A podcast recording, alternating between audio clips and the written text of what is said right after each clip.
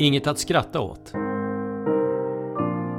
En serie om samhällssatir. Vad är satir? Det är något fint de håller på med i England.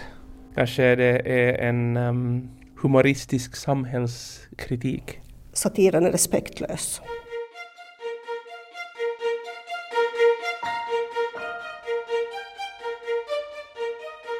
Ju större ett samhälle är, ju fler individer det består av, desto större blir antalet åsikter och smaker. Och det borde logiskt sett smitta av sig även i humoristiska och satiriska sammanhang. I USA bor det över 300 miljoner människor och där finns en lång och bred tradition av satir och häcklande av makten. Från Edgar Allan Poe, Mark Twain och H.L. Mencken till Stephen Colbert, Greg Gutfeld och Seth MacFarlane. Och ja, nu nämnde jag bara män, men det var bara för att kolla så att ni var med. Logiken stipulerar alltså att länder som Kina och Indien med miljarder invånare borde producera globalt erkända satiriker på löpande band. Men så är det inte. Eller vänta. Världens vassaste satiriker kanske faktiskt bor i Peking eller Calcutta. Detta utan att vi i lilla Europa märkt det. Än. Och trots att vi är världens medelpunkt. Men om vi då antar att en stor volym av människor statistiskt sett ger en större chans att det kommer fram många vassa satiriker och samhällskritiker borde inte det omvända förhållandet också gälla? Ja, det ska jag nog säga. alltså, jag, jag, jag, Det krävs inte så mycket. Nej, alltså för att jag har ju lyckats liksom på något sätt. Jag har kommit fram ganska bra. Alfred Backa är finlandssvensk satiriker.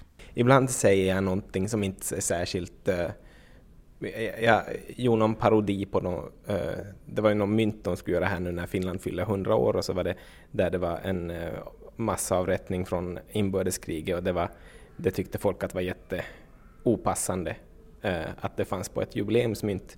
Eh, och så gjorde jag ett, ett skämt, ett blogginlägg där jag visade att då kan man ju lägga upp andra pinsamma händelser som när han den här eh, trä, tränaren från, från ishockeylaget trillade ner för trappan när han var så full, när han var så full så det la jag på ett mynt och andra, andra sådana här pinsamma händelser från vår historia. Det är ju inte satir, men det kallas, alltså till och med någon lärare tog upp det här exemplet som att när hon skulle visa för sina elever vad satir var.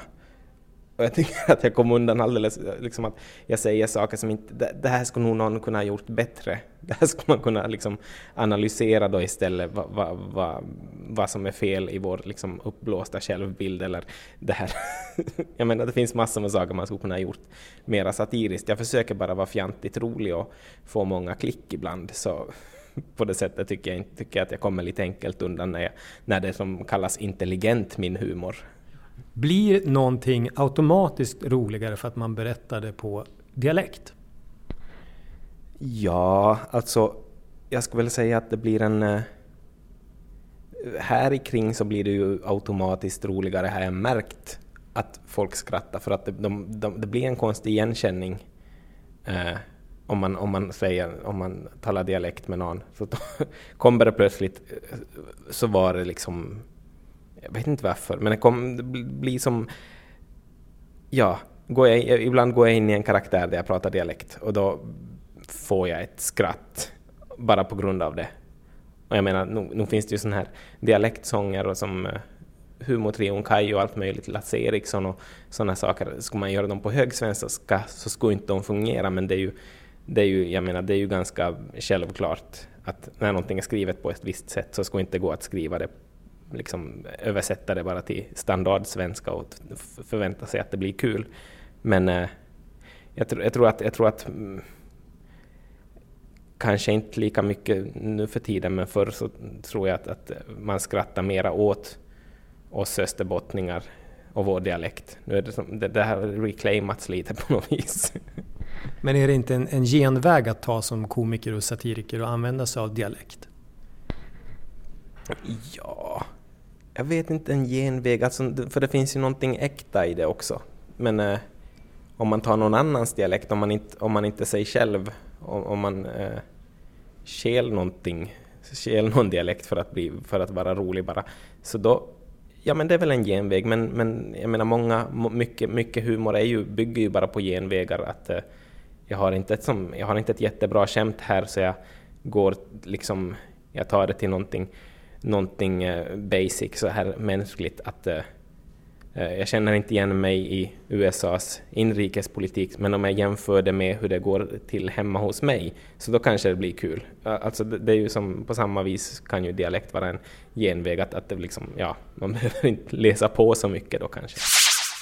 Dialekt kan ha en igenkänningsfaktor, men också skapa avstånd mellan publik och utövare. Komikerna André Wikström och Stan Sanila från södra Finland ser inte Österbotten som ett u-landsområde ur satir och humors synvinkel. Jag tror jag någonting är, är numera. Det har säkert varit det eller så, så har det varit humor som man inte förstår. Eh, men i Österbotten har man haft en väldigt stark tradition av revyer. Eh, men de har det väldigt lokala så det är jättesvårt att förstå om man inte är liksom från den, från den byn till exempel. Eh, det, det har ju stark, så jag tycker inte det på samma sätt funnits här nere i södra Finland lika stark tradition men jag tycker i Österbotten så har varenda liten by som ens har några äh, lite talkoanda i sig. Så de har, alla har gjort en sån här byarevy.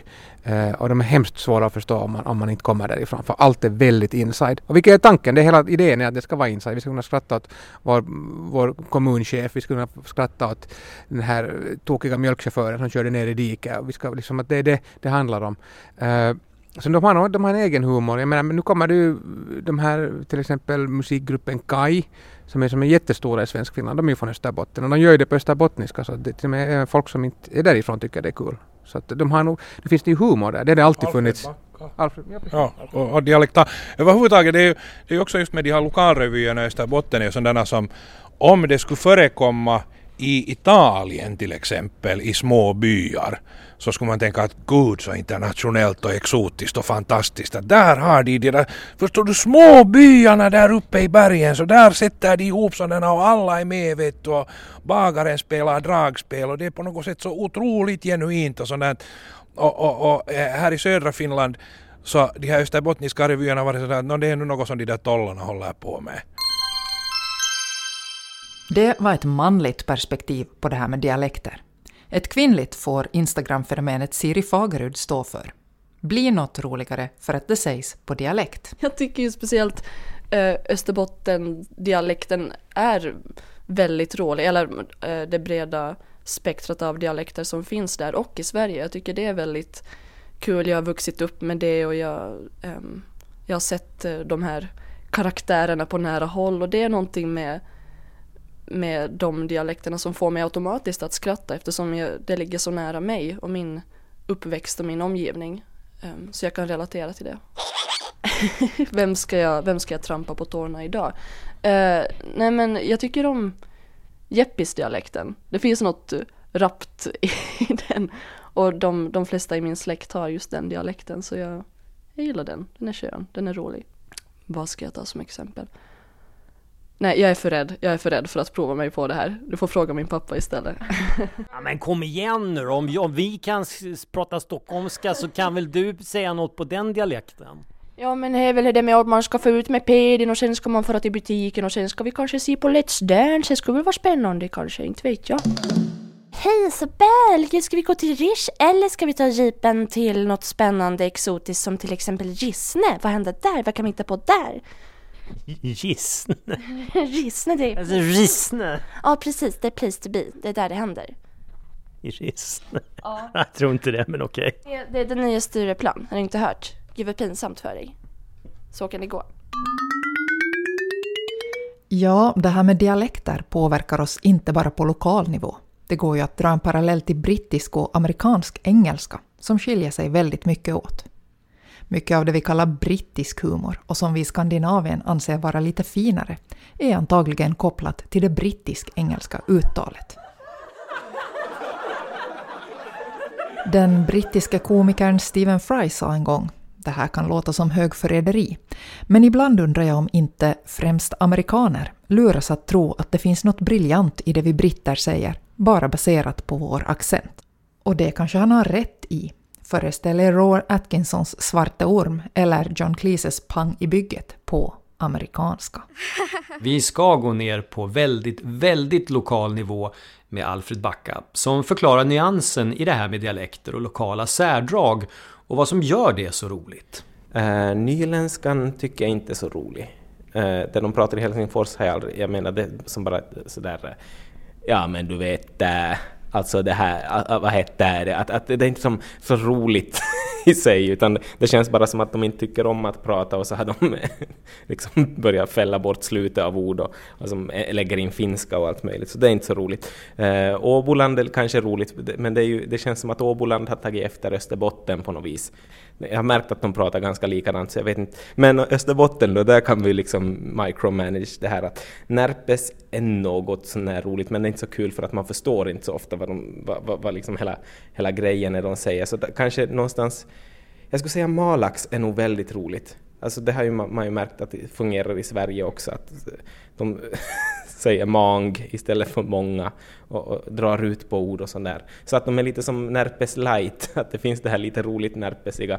Det är ju inte min, är ju därifrån jag kommer från Pensalorva, så inte, vad, vad skulle vara så roligt hemma? Men just Malax, så det måste vara Malax. Exempel? Och så är det att man säger bort istället för bort. Och att, det, att man, är det roligt? Det tycker jag är jättekul faktiskt. Åländskan är också rolig på det sättet för att det är någonting, någonting handfallet i hur man pratar som malaxbo eller ålänning. Just äh, ålänning, att man har det här, att man låter som alltid väldigt, som att man just har lärt sig prata på något vis. Att, att äh, försöker man hota någon på åländska att jag ska slå dig med, med knu, knytnäven riktigt. Att man, man kan inte som, ta det på allvar helt och hållet. Och det är väl samma med malax då. Men jag måste, de måste, jag måste kalla dem roligare för att de är närmare, närmare mitt hem. Så därför, men ja, det kan... Fast det låter som grader i helvetet det här. Nej men det kan, det kan, det kan väl stämma.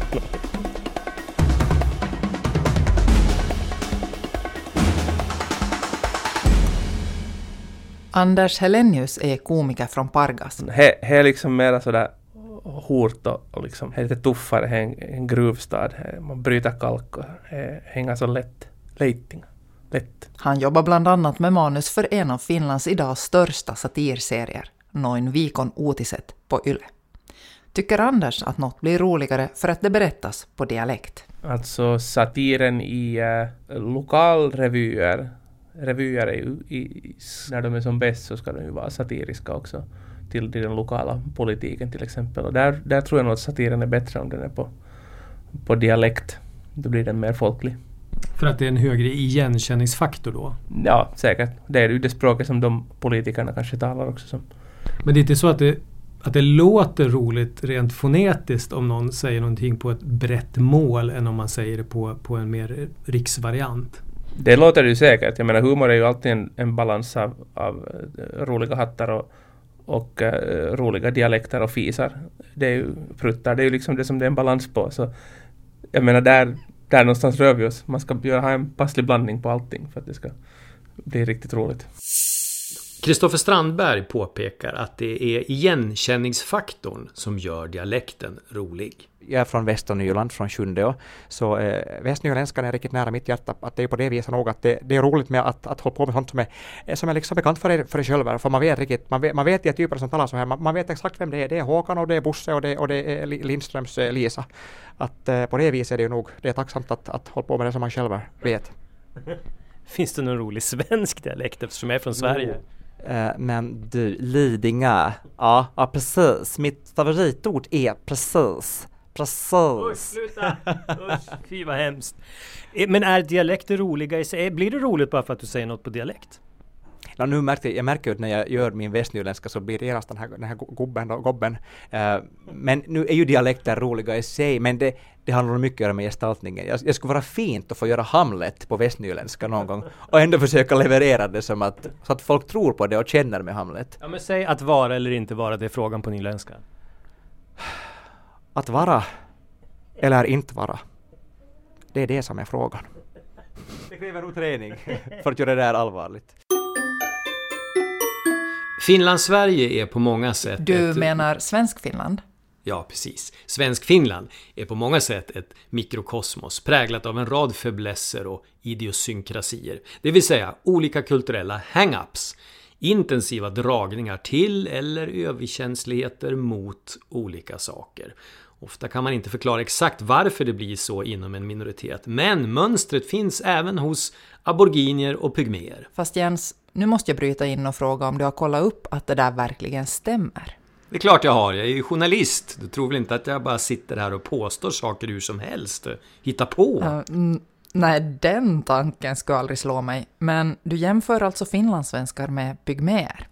Ja, jag vet. Och det är inte helt rättvist eftersom pygméerna har ett ganska välutvecklat samhälle. Jag är inte helt säker, men det där måste vara rasistiskt åt något håll. Äh, betraktarens öra, sus. Betraktarens öra. En sak är i alla fall säker. Dagens humor och satir är global på ett sätt som den inte var för en generation sedan. Idag vet vi i detalj vad som pågår i länder och kulturer som ligger på andra sidan jordklotet. Vi har en helt annan kunskap om vad som sker i exempelvis amerikansk politik och det där påverkar givetvis hur satiren betraktas och utvecklas. Tack vare internet har mänskligheten utvecklats till en enda stor så kallad hive mind. Och vad i hela friden är det? Jo, det kallas även svärmintelligens eller svenskt grupptänk. Ett slags insektssamhälle där alla individer vet allt och agerar som en enda man. Du menar som en enda hen? Nej, det gör jag absolut inte. Okej, nu ska vi inte systerlands bråka här. Tillbaka till ämnet. Det här med global satir. Och hur dagens unga ser på den. Det måste vi fråga någon annan om.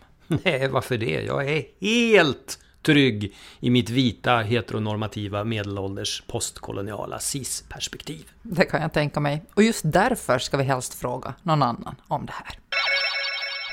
Är det för mycket fokus på, på brittisk och amerikansk humor idag och svensk humor för den delen?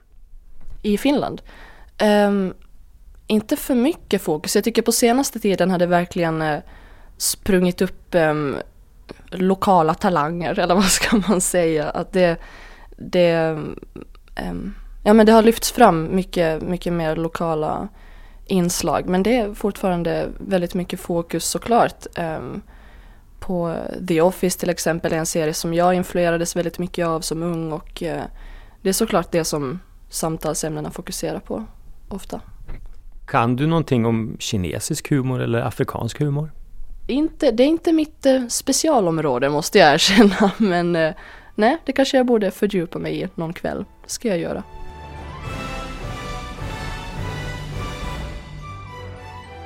Vi pratar med instagrammaren Siri Fagerudd om lokal och global humor. Och apropå det, på engelska finns det ett uttryck som kallas the soft bigotry of low expectations, alltså de låga förväntningarnas rasism. Det kan enkelt förklaras med när majoritetssamhället har låga förväntningar på en minoritet och inte förväntar sig att exempelvis muslimer, samer, pygméer eller österbottningar klarar av att leva upp till samma krav och förväntningar som Matti Meikäläinen. Ja, jo, reverse racism, eller hur? Jo, jag känner till det. Hur ska vi förhålla oss till det? Eh, det är en jättesvår fråga och jag tror det beror, jag tror det handlar väldigt mycket om eh, i vilket sammanhang det skämtet görs och på vems eh, bekostnad. Jag tror man kan hitta humor i allt men, men det är också lätt att, att, att eh, gömma sin rasism bakom, bakom skämt och, och, och sedan om någon tar illa upp skylla på eh, att den personen borde ha humor eller kunna ta ett skämt och det, det blir helt fel liksom. Man, man kan inte gömma eh, vad som helst med, alltså bakom humor.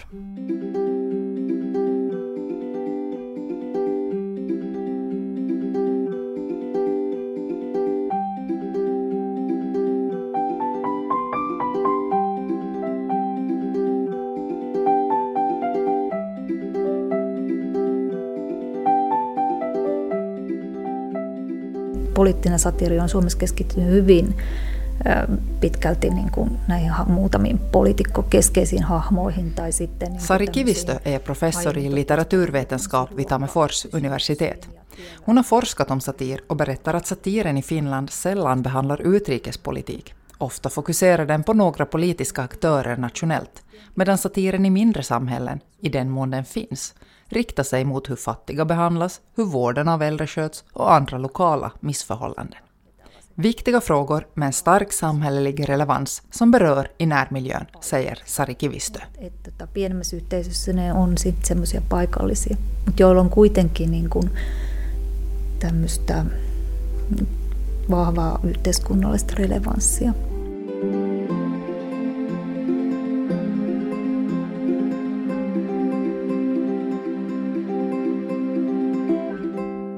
Satiriker ska helst sparka uppåt, mot makten. Och kanske blir det mycket svårare inom en minoritet där alla känner alla och all kritik riskerar att uppfattas som personlig. Sen kan man förstås alltid diskutera vad en minoritet egentligen är. Finlandssvenskarna är en minoritet i förhållande till resten av Finland. Men Finland är också en extrem minoritet i förhållande till resten av världen. Precis. Att tala om att exempelvis den samiska kulturen lever under ständigt hot av uppblandning, det är helt okej anser nog de flesta. Men att tala om att den finländska kulturen är hotad i förhållande till den stora stygga världen, det blir i mångas ögon lite svårare. Den patriotism och nationalism som i det ena läget är något bra blir i det andra något suspekt och möjligen skadligt. Det senare är lätt att satirisera och driva med, men inte det första.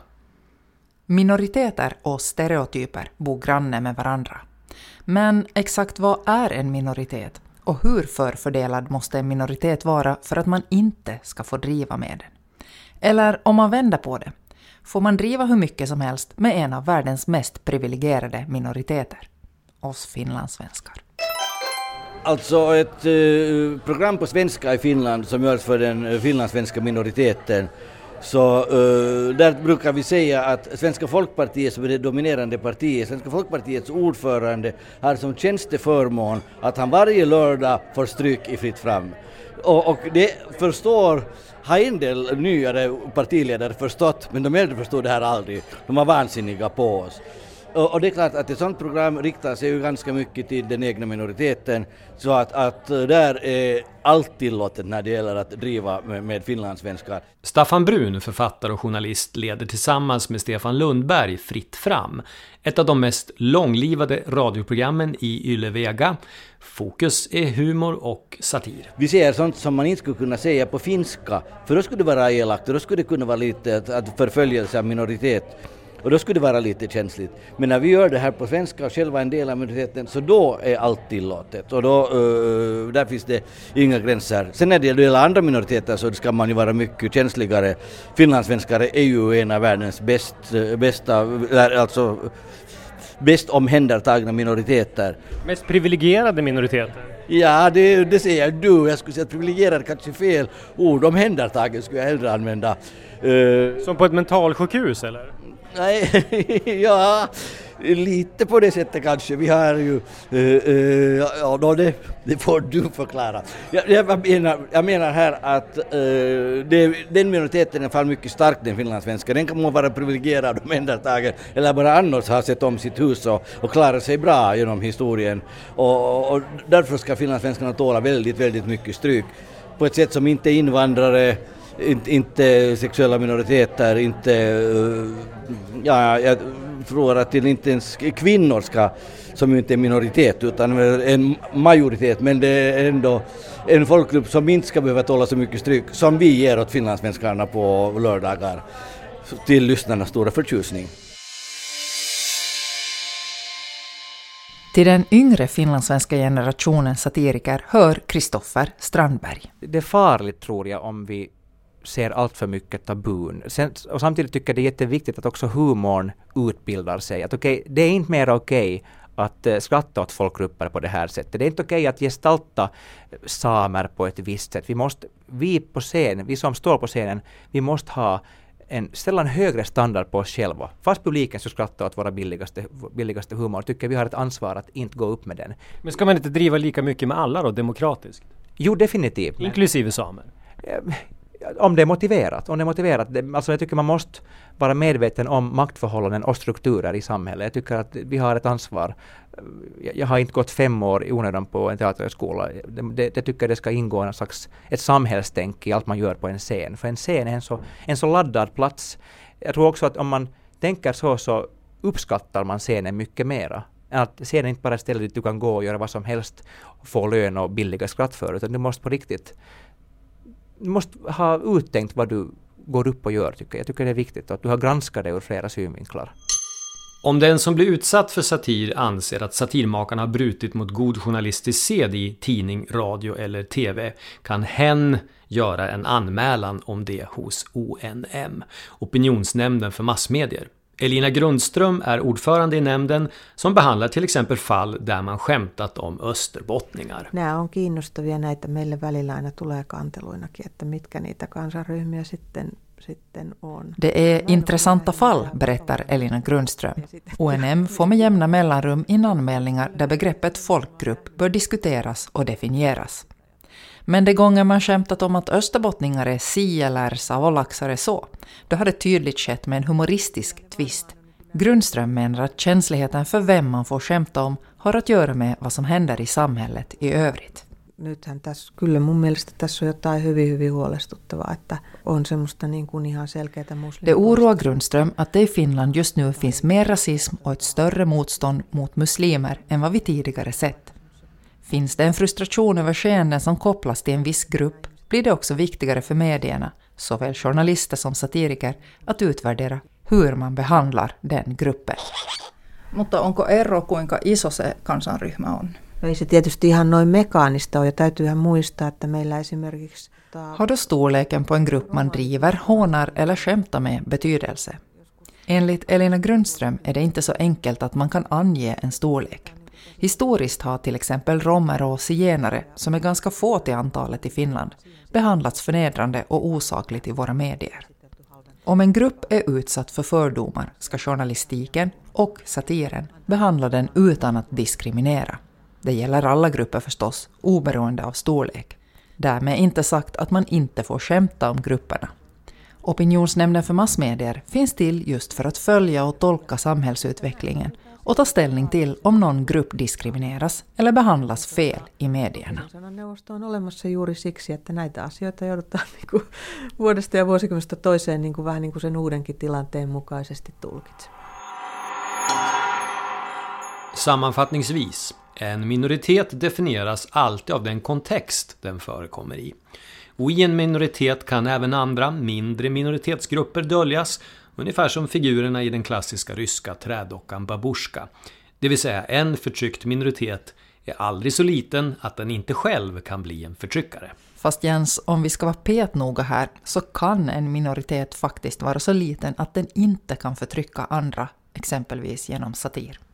Mm, hur då? Nu fattar jag inte. Jo, men om en minoritet består av färre personer än tre, så blir det ju rätt svårt att skapa något slags majoritet som kan förtrycka minoriteten. Ja, fast det där är väl ändå hårklyverier och typiskt er finlandssvenskar att hålla på och märka ord sådär. Jaså, är det? Ja, ni är alltid så förbannat präktiga och prudentliga. Herregud, det finns väl värre saker att reta upp sig på i det här sammanhanget än att jag gjorde en lite svepande formulering om minoriteter. Finns det verkligen det? Ja, det finns det. Och vad skulle det vara då? Ja, vill du verkligen veta det? Klart jag vill. Ja, för om vi öppnar den här lådan så kommer det inte att gå att stoppa tillbaka det som kommer ut. Pratar du om Jussi halla eller Jutta Siljakus nu? Jag pratar om båda, givetvis.